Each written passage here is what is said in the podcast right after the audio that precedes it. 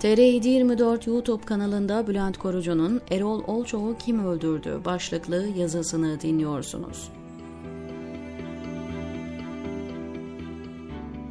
Nihal Olçoğ'u takip ediyor musunuz? Eminim 15 Temmuz'u planlayanlardan bin pişman olmuştur eşini ve oğlunu öldürdükleri için.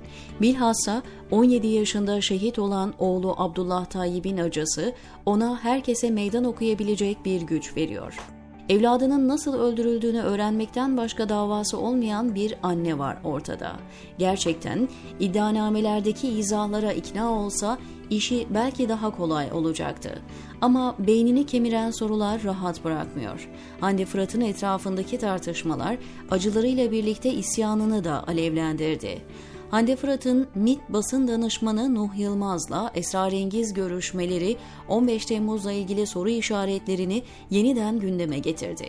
Cumhurbaşkanı Tayyip Erdoğan'ın halka sokağa çağırdığı FaceTime bağlantısının önceden kurgulandığı ve hatta bir gün önce gerçekleşen bir görüşmeyle ayarlandığı iddiası bomba etkisi yaptı. İddianın sahibi Cevheri Güven'e cevap vermek yerine beş koldan kişilik infazına girişilmesi de iddianın gücünü gösteriyor. Nihal Olçok da tartışmalara kendi bakış açısıyla katıldı. Aydın Doğan'la Hande Fırat'ın 15 Temmuz gecesi yaptığı düğün pazarlığına tepki gösterince bazı açık oturum programlarına konuk edildi. Erol ve Abdullah Olçok cinayetinin serencamını masanın üstüne koyduğumuzda isyanında ne kadar haklı olduğunu teslim ediyoruz. İstanbul Başsavcılığı'nın 15 Temmuz Şehitler Köprüsü iddianamesinde yer alan adli tıp, ekspertiz ve balistik inceleme raporları yasak niteliğinde fişeklerle uzaktan atışla 34 kişinin vurulduğunu ortaya çıkardı. Aynı raporlara göre reklamcı Erol Olçok ve oğlu Abdullah Tayyip Olçok da sırtlarından vuruldu. Olçoğ'un arka sağ omuzunda şah damarına girip kalbinden çıkan, oğlu Abdullah'ın ise arka sol omzundan giren birer mermiyle iç kanama sonucu yaşamlarını yitirdikleri tespit edildi. Bunun bir keskin nişancı, sniper atışı olduğu çok açık. Turhan Çömez de canlı yayında Olçoğ'a dayandırarak ve kendi incelediği raporlardan hareketle aynı şeyi söyledi. Sırt ve yukarıdan giren kurşunun köprüdeki çoğu öğrenci askerlerin silahından çıkma ihtimali sıfır. İlk gün gazete ve televizyonlarda yer alan keskin nişancı haberleri de pek çok bilgi gibi sonradan hasıraltı edildi. Benzer bir durum Ankara'da Jandarma Genel Komutanlığı davasında yaşandı. Oradaki şehitlerin de çevre binalardaki keskin nişancılar tarafından vurulduğu öne sürülüyor. Balistik incelemede komutanlık binasındaki askerlerin silahından çıkan kurşunlarla olmadığı kesinleşti. Ancak mahkemeler daha ileri gitmeye cesaret edemedi. Yukarıdaki bilgileri Karar Gazetesi'nin 5 Ağustos 2017 tarihli manşetinden aldım.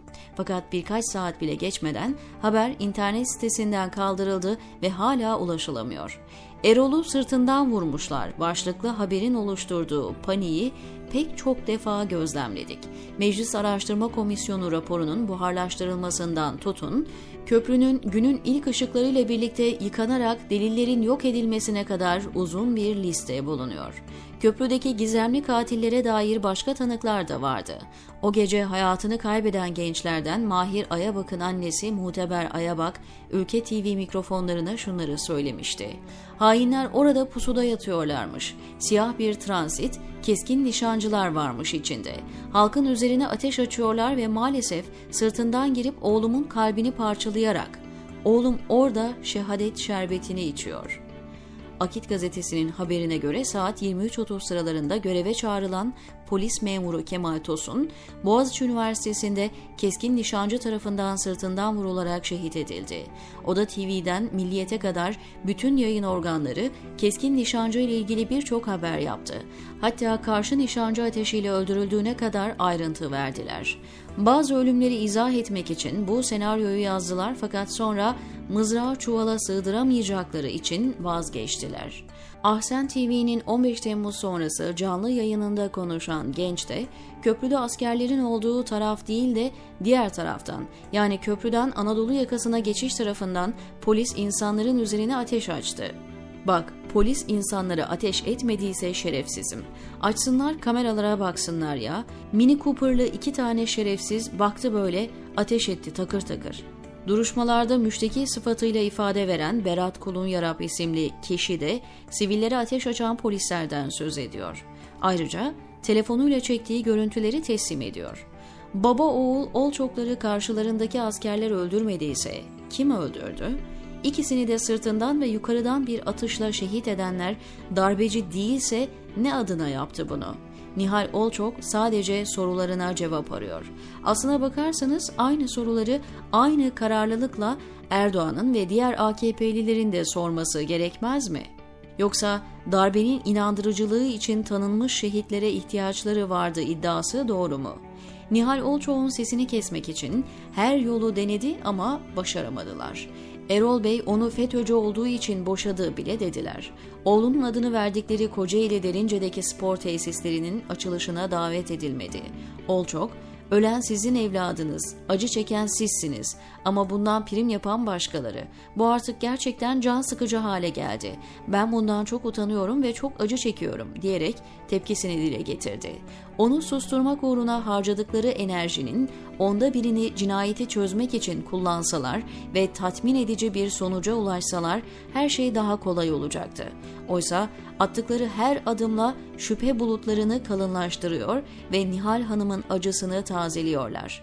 Diğer insanları ya susturdular ya da seslerini duyulmaz hale getirdiler. Onun şansı ol çok soyadı ve onu da elinden almak için yapmadıkları kalmadı. Bu yazının kapsamında olmadığı için sadece bilgi olarak buraya kaydedeyim. Kafkassam isimli internet sitesinde Erol Olçoğ'un Çerkez olduğu ve Türkiye'deki diasporaya güçlü desteği yüzünden Rusya'nın hışmını çektiği yazıyordu. Hatta 7 Eylül 2017 tarihli yazının başlığı Erol Olçok, Enver Altay'la dostluğunun kurbanı mı şeklinde.